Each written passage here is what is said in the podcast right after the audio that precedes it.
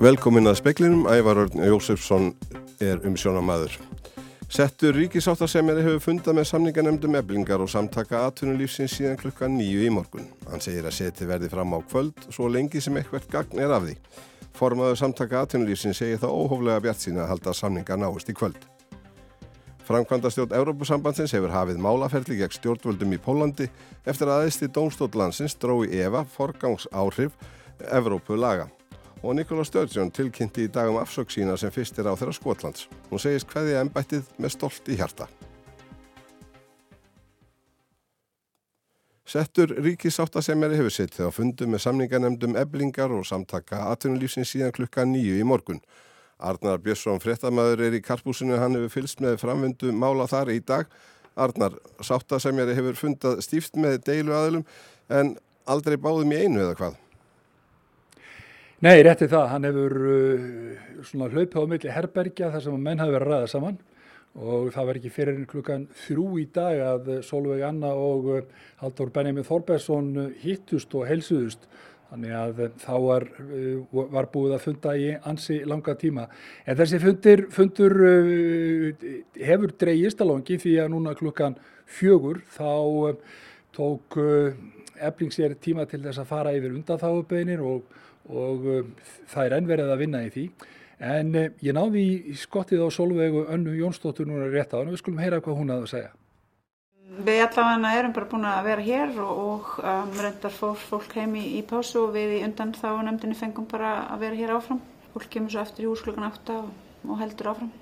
Hvað er það margar undan þá beinir sem þeir eru að glíma við? Það eru fjölmargar undan þá beinir sem við erum að fara yfir núna og ég bara sagt best að segja, get ekki svaraði hversu margar þeir eru og hefur einhverju hugmyndu um það hversu langan tíma þið komið til með að sitja? Við verðum bara hér um, þangar til að ríksætsameri segir okkur að fara. En eru þið eitthvað farin að tala um það sem skiptir máli, launaliðin og, og það sem stendur út af? En sem ég sagði breyðna rétt aðan þá bara er ekki tímabært fyrir mig á þessari stundu að fara eitthvað dýbra, dýbra í málun. En ég ertu jákað? Um, það er bara allavega ágætt að, að vera hér. Og þú vilt vera hérna sem leins bara? Já, eins og ég segi og eins og ég hef verið að segja allan tíman og sérstaklega núna í dag þá er samningsvilji samninganemndar eblingar mjög raunverulegur. En e, hjá mótaðilegan? Þú skalt spyrja mót aðilan að því. Þetta var Solveig Anna. Haldur Benjamin Þorbergsson, framkvæmda stjóri samtaka aðtunulísins fór veikur heim úr karpúsin áðan. Hver tók við, eh, Arnar? Já, Ejólfur Arður Rapsson, uh, formaður samtaka aðtöluðsins, hann var fyrir svörum og ég náði líka í, í viðtali við hann og við skulum heyra brota því. Þetta er lengst í samféldi fundur í deilunni, bóðar það ekki eitthvað gott? Já, það er náttúrulega alltaf jákvæmt þegar fólk uh, situr við og er að, er að tala saman og tala rétt. Þetta er lengst í fundun í þessari deili til þessa, þannig að samtalið er í gangi.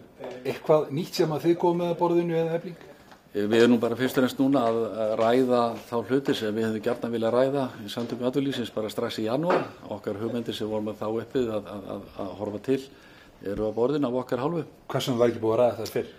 Ég á ekki svar við því, en við höfum það á borðinu og, og ætlum að ræða það áður. Er það ykkar sög?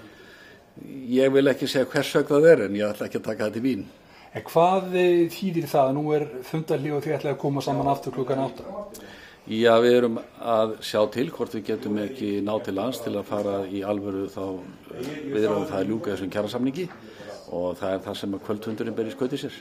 Ertu vongur um það að þið náðu ég að skrifa undir í kvöld? Nei, það held ég að sé yfir máta mikil bjassinni. Ég ætla ekki að, ekki að vonast þetta í þína. En á morgun? Aldrei að vita, en, en ég ætla ekki að vera að spáði það sagði Ejólfur Árni Rapsson. Ástraður Haraldsson settur sáttaseminni gerði hlið og fundarhöldum á sjötta tímanum. Arnar, hvert verður uh, framaldið? Já, framaldið er það að uh, úr því að Ebling uh, tók sér þann tíma til þess að fara yfir undan þáubeinindana þá var gert hlið á, á þessum samlíkafundi en það verður aftur sest nýður hér klukkan 8. kvöld og uh, menn verður svo sem eh, ekki alveg vissir um hversu lengi menn, menn sitja en það er alveg ljóst að ástráður vil halda mönnum við, við efnið. Ég líti ekki svo á að við séum í, í eiginlegum kjærasamningsviðræðum en þá. Ég meina eh, efnislegar viðræður um breytingar á einstakum ákvæmum kjærasamnings eru raunveruleg ekki konarstað En það sem við höfum reyna að gera er að við höfum reyna að feta okkur inn í það að, að finna uh, um hvað slíkar viðræðu gætu verið og, og hvort það er hægt að finna einhverja samínglega fleti þar sem að hæðrætni geta þá reynda að, að, að koma sér inn í eiginlegar kjærasamningsviðræður. Ertu bjart sín inn í kvöldu? Ég er, ég, ég er svona, ég er kannski ekkert mjög bjart sín en ég gerir mér samt vonir um það að við náum að komast allavega í þær stellingar að við getum svona látið reyna á alvöru kjærasamningsviðræður. Ég vonast til þess. Þið byrjið aftur klukkan 8, reknar með því að, að þetta standi eitthvað fram til nótt? Bara eins og þarf, bara eins og þarf. Sæði Ástráður Haraldsson, nána verður rættið hann í speklinum eftir fréttir. Og við höldum áfram í verkfallsmálunum. Starfsmæður Ólís í Álfheimum segir að viðskiptavinnir hafi flext til að fylla á bílinn í gær en róleira sig í dag. Viðskiptavinnir bensinstöða hafa sömur áhyggjur af afleðingum verkfalla hjá eblingu. Þú er starfsmæður hérna á bensinstöðinni. Uh, já, ég er hérna út um aðurinn. Og finnur þú mikið mun, er fólk að fylla bílana? Uh, sko í gær þá var allt alveg brjálað. Uh, maður hafði, var alltaf tíma alltaf að gera neitt annað. En í dag er þetta búið að vera miklu rólega, þannig held að sé allir bara, þannig að mjög margir bara búin að fyrir að fylla bílinn sinn. Ert þú að fylla bílinn? Ég er að fylla bílinn. Já, ég er að fylla bílinn. Og hefur einhver áhyggjur af verkfallinu? Um, svo sem ekki akkurat núna en ég vona bara að þetta fari vel og þeir ná að samja. Ég hef nú einhvern áhyggjur af þessu því ég er nú hættur að vinna og, og keiri lítið svolítið að, að þetta ángar mig ekkert sérstaklega sko. Já, ég hef áhyggjur af þessu. Þetta er bara mjög alvarlegt mál. Uh, er verkfalli ólís? Já, verkfalli hjá bílstjórum? Uh, já, ég, já, nei, ég veit ekki, öruglega. Er verkfalli á bílstjórum? Þú varst bara að fylla hvað sem er? Já, ég var bara að fylla hvað sem er, sko. Ég, það, maður lifir ekki án bensin í dag. Og heldur að við lendum í því að geta ekki fengið bensin? Já, það getur alveg svarið svo. Já, ég hef áhyggjur að þessu núna allavega. Er, er þú eitthvað að fylla á svona aukartanga? Nei, nei, nei, nei, nei, nei, nei. Ég tek einhvað séns á því. Þetta var Kristján Birgir Sigrún Þurriður Runálsdóttir talaði við hann og Jónathan Jens Beiningsson, Ingi Gerði, Hjördísu Ölfu, Ágústóttur og Pál Kristinn Jakobsson. Og viðbúið er að verkfall eblingar hafi áhrif á innanlandsflug vegna þess hver háð það er greið aðgengið elsneiti, segir bói Níls Bógarsson, forstjóri Æsland er. Ef undan þá er fáist ekki verði fljótt röskun á áallun. Njáltrösti Fríðbertsson, alþingismadur og flugumferðarstjóri hefur líst áhyggjum sínum varðandi flugeldsneiti spyrðir á Akureyrar-flugvelli sem keirðar eru norður frá Helguvík.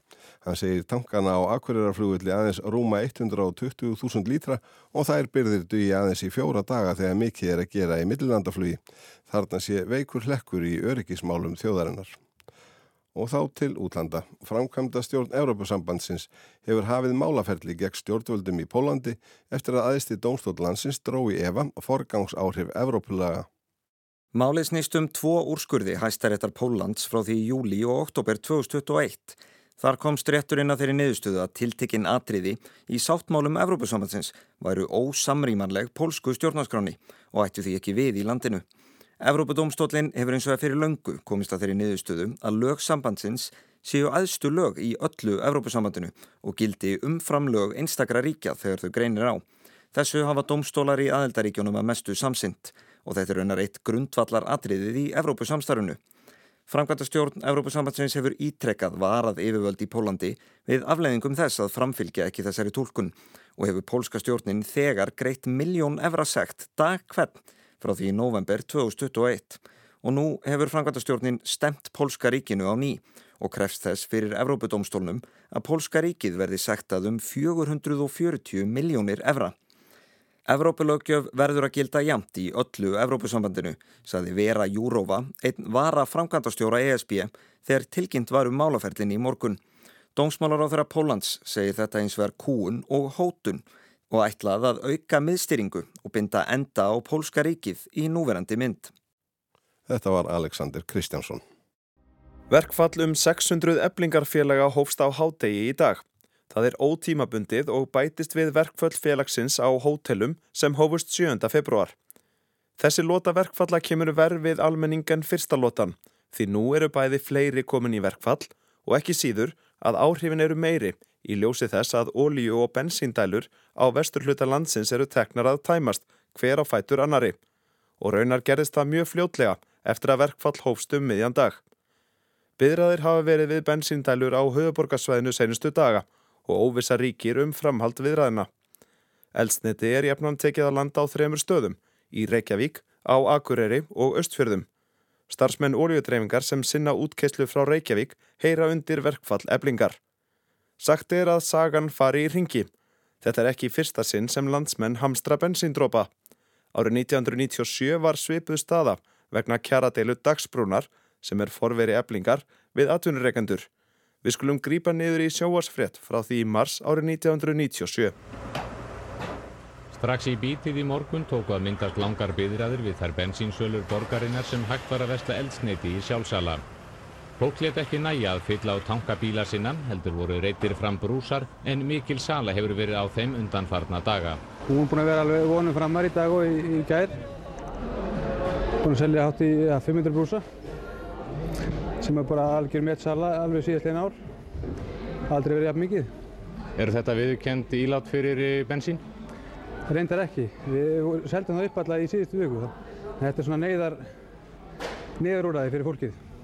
Það er aftur móti verða að setja bensín á, já eins og ég kalla bara svona þólbrúsa.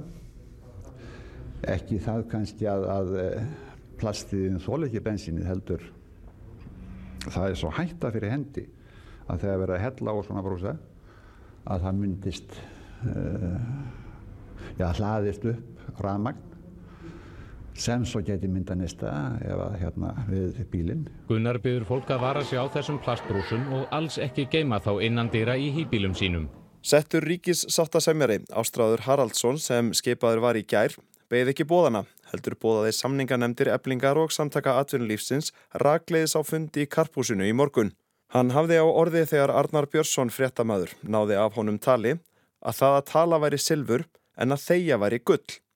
Solveig Anna Jónsdóttir tók nýjum sáttasemjara fagnandi. Við erum bara mjög, mjög ánægst með að vera búin að fá um hann hérna inn í þessa deilu og við upplifum að hann, hann sé sannlega viljur til þess að heyra okkar sjónarmið og svona svo sjá hvað gerist. Er hann að spila út einhverjum trompum sem að ykkur hugunast? Við erum ekki komið svo langt, nei. Síðdeðis í dag gekk svo Haldur Benjamin Þorbergsson, framkvæmdastjóri SA, að fundi. Ekki vegna þess að málinn hafi verið útrætt, heldur greip hann einfallega flensa. Fundurinn í dag var talsveit lengri en senstu fundir. Þeir voru mældir í mínútum og jafnvel sekundum, en samningarnemdinnar sátu í sitt hvoru lægi og saman fram eftir degi í margar klukkustundir. Þetta var fyrsti fundur eblingar og samtaka atvinnulífsins í rúmar þrjár vekur. Fundi var frestað síteist til átta í kvöld. Arnar Björnsson rætti við Ástráð Haraldsson, settan sáttasemjara, á sjötta tímanum. Ástráðið þú ert búin að gera hljóð viðraðum til hlukan átta í kvöld. Hvað er þetta að lesa í það? Ég sko ekki tema það að fólk þarf auðvitað að komast í sturtu og, kvíla sig aðeins og, svona kannski komast í kvöldmatt og svona en, en, en, en það er þannig að, að við erum búin að vera að núna sér kláðin í morgun og við erum, ég líti ekki svo á að við séum í, í eiginlegum kjærasamningsviðræðin ennþá. Ég meina efnislegar viðræður um breytingar á einstökum ákvæðum kjærasamnings eru raunverulega ekki konarstað en það sem við höfum reyna að gera er að við höfum reyna að feta okkur inn í það að, að finna um hvað slíkar viðræðu gætu verið og, og hvort það er að finna einhverja samínglega fleti þar sem að hæðrætni geta þá reynda að, að, að koma sér inn í eiginlegar kjærasamningsviðræður. Við erum auðvitað á viðkvæmu stíi eins og alltaf er sagt sko og og, og allt það en, en ég gerir á fyrir því að þetta muni koma í ljós bara í kvöld. Það að við skulum vera hérna inn í húsinu og vera enn á fundi og það lítur nú að, að þýða það að það er fullur vilji hjá báðum aðlunum ekki að, að, að finna ykkur lausn? Jú, ég held að það sé alveg fullur vilji til þess að báðum aðlunum að finna lausn og, og, og aðlandi sjáu þetta þessa stöðu mjög mísjöfnum augum og, og koma aðinni frá ólíkum hliðum En, en meðan að fólk allavega er tilbúið til þess að, að reyna að halda áfram að finna einhverja fleti að þá er allavega einhver, einhver von. Uh, Skinnjar það að, að, að það sé komið þreita í, í lið?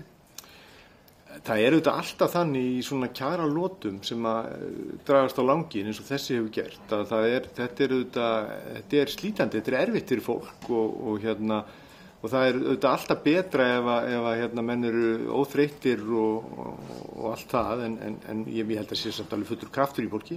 En orðræðan hefur verið þannig að það er svona erfitt fyrir báða aðil að, að gefa eftir? Já, já, já, sko ég skal ekki um það að segja. Ég, ég held nú að þetta, það er auðvitað alltaf þannig að þegar að, svona menn lenda í átökum að þá vera alls konar hlutir sagðir og það er, sko, það er mikilvægt að munna en það er ennþá mikilvægt að kunna gleyma. En eh, hvernig geta með rekna sig þá nýra á, á, á nýðustöðu sem að báðir aðilar fattast á? Ég veit það ekki. Ég, ég vona að það takist að finna einhverja leið til þess en það er alveg ótímanbært að, að segja nokkuð um það. Ertu bjart sín inn í kvöldu? Ég er kannski ekkert mjög bjart sín, en ég gerir mér samt vonur um það að við náum að komast allavega í þær stellingar, að við getum svona látið reyna á alvöru kjærasamlingsviða. Ég vonast í þessu. En þið byrjið aftur klukkan 8, mm. reknar með því að, að þetta standi eitthvað fram til nótu? Bara eins og þarf. Á morgun hefst svo atkvæðagreðsla um þriðja verkfallsaðgerðir eflingafélaga. Þar kjósa um 600 starfsmenn hótela og gistiheimila um hvort eigi að fara í verkfall. Verði það samþygt er allt félagsfólk eblingar sem starfar á hótelum komið í verkfall. Einning nær þar til um 400 öryggisvarða hjá Securitas og öryggismiðstöðinni og 650 manns í restingum hjá dögum og sólar, aukminni fyrirtækja. Samtals um 1650 manns. Þeirri atkvæðagreyslu líkur á mánudag. Bjarni Rúnarsson tók saman.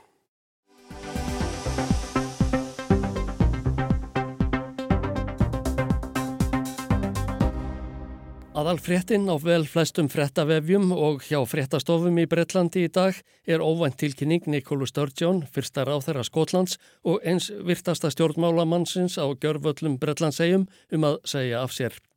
Tíðindin bárust fyrstum tíuleitið í morgun og klukkustund síðar staðfustan þau á fundi með fréttamönnum í Edinborg. Frettaskýrendur gerðu því skóna áður en fundurinn hófst að Ímis ágreiningsmál sem upphafa komið á skoska þingjunu að undanförnu hefðu orðið til þess að Sturgeon ákvað að segja af sér. Hún sagði hins vegar að hún fyndi einfaldslega að hennar tími var í komin. Rétt og æri á þessum tímapunkti að láta gott heita. In my head and in my heart I know that time is now. That it is right for me, for my party and for the country. And so today I am announcing my intention to step down as First Minister and leader of my party. Sturgeon hvaðst ætlaði að láta af ennbætti fyrsta ráð þeirra Skotlands og leðtoga skoska þjóðarflokksins við fyrsta tækifæri og hefði falið framkvæmda stjóra flokksins að hefja vinnu við að finna arftaka hennar. I have asked the National Secretary of the SNP to begin the process of electing a new party leader and I will remain in office until my successor is elected. Nikola Sturgeon hefur gengt ennbætti fyrsta ráð þeirra Skotlands í rúmlega 8 ár. Næstu 8 árin á undan var hún næstráðandi undir fórsæti Alex Salmons. Hún sagði á fundinum að þessi tími hefði reynd á sig, jæmt líkamlega sem andlega og að hennar nánustu hefðu einning fengið að finna fyrir álæginu sem fylgdi störfum hennar.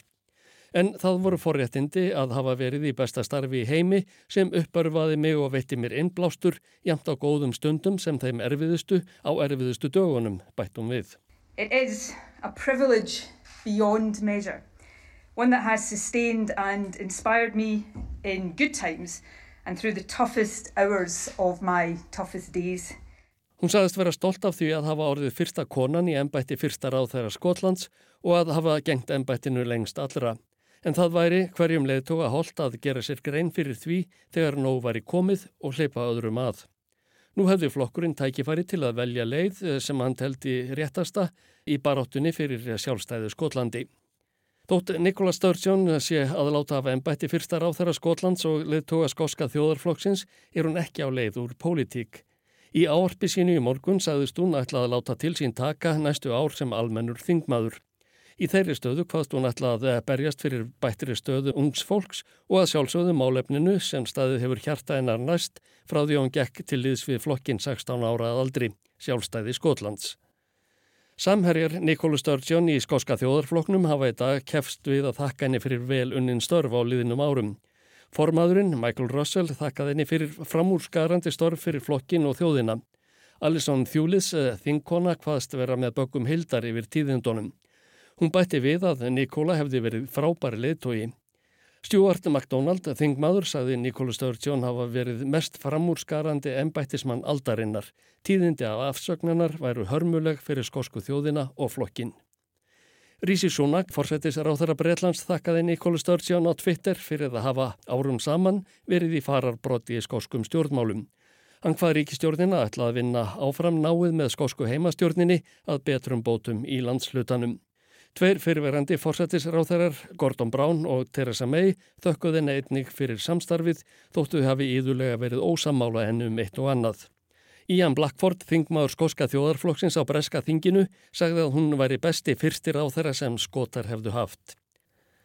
Nikola Sturgeon komst við í lok ávarpsins í morgun áður en hún hlifti fréttamönnum að með spurningar sínar. So to the people of Scotland, to all of the people of Scotland, whether you voted for me or not, please know that being your First Minister has been the privilege of my life. Nothing, absolutely nothing I do in future will ever come anywhere close. Við skosku þjóðina, hvort sem þau kusuð mig eða ekki, langar mig að segja þetta, sagði leiðtógin fráfarandi. Það hafa verið forréttindi lífsmýns að gegna ennbætti fyrsta ráþara. Ekkert á eftir að komast í hálfkvisti við það, sama hvað ég tek mér fyrir hendur í framtíðinni. Og það var Ásgeir Tómasson sem sagði þarna frá.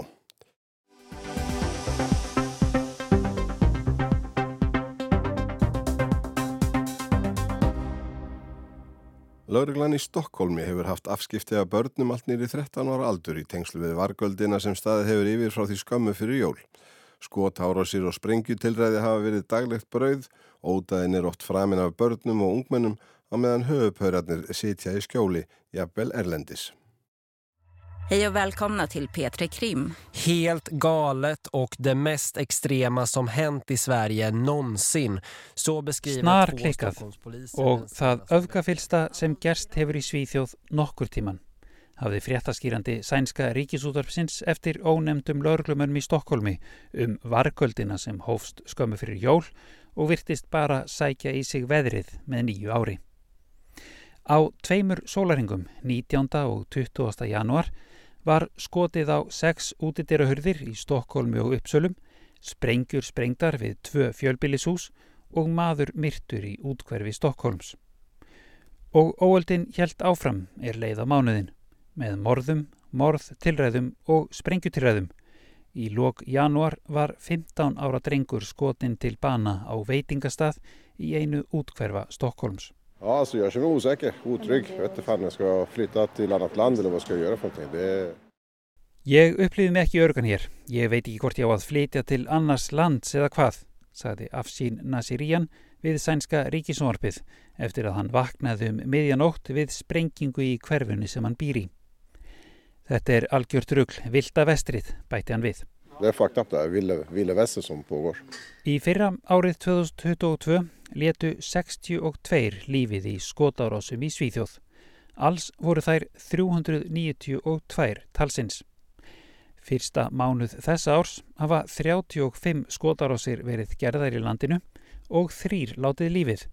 Þar við bætast fjölmörg sprengjutilræði, sum með handsprengjum. Glæpagengin að baki ódæðinum eru ekki skýrt afmörkuð og ekki óalgengt að menn snúi baki við gömlum félögum og eignist nýja vegna breytara hagsmuna, meintra sveika, vegna einhverjar móðgurnar eða annars og nú um stundir eru nokkrar deilur eða stríð í gangi. Aðal ástæða varkaldarinnar er þó talin vera átök um fíknefnamarkaðin í Sundsvall. Sundsvall er tiltöluga fámenn, þar búum 50.000 manns, en þar er þó nokkur fíknefnamarkaður. Og svo er Sundsvall vel staðsett, tæplega 400 km akstur norður af Stokkólmi, rétt við hraðbrautina og hendugt að dreifa efnum áfram þaðan um alla norður Svíþjóð, segir Jósef Víklund, lauruglustjóri á svæðinu. Sundsvall ligger strategiskt bra till, bra riksnät, E4. Eh, det går att ta sig förhållandevis enkelt både längre norrut och längre mot, mot Jämtland och det blir en, lite grann av en transitort för narkotika. Þar til nýlega réði ungur maður um 24 ára gamall að mestu yfir fíknefnamarkaðunum í Sundsvall. en átökin hófust þegar annar maður sem kallar sig Revin eða kurdíska Revin reyndi að taka yfir. Í fyrra stóð Revurinn að baki hendarleiðangri gegn meðlemið í bandítos glæpasamtökunum og oft eru það úlingar sem er bara 16 ára sem fremja ótaðinn fyrir hann. Og nú er enn á ný talað um að leita þurfi allra leiða til að brjóta glæpagengin á bakaftur, hvort sem það er með hertum, refsingum og auknum heimildum fyrir laurugluna sem núverandi ríkistjórn hefur talað fyrir, eða félagslegum úrræðum baróttu gegn fátækt og samfélagslegum vandamálum sem flokkatir sem stóðu að fyrri ríkistjórn hafa talað fyrir. Nú eða því, sem einnig heyrist í umræðinni, að fíknefna neytendur, til dæmis þeir sem nota kókain um helgar, hætti að fjármagna klæpasamtökin með neyslu sinni. Laurglan hefur nú handtekið fjölda fólks í tengslum við óöldina.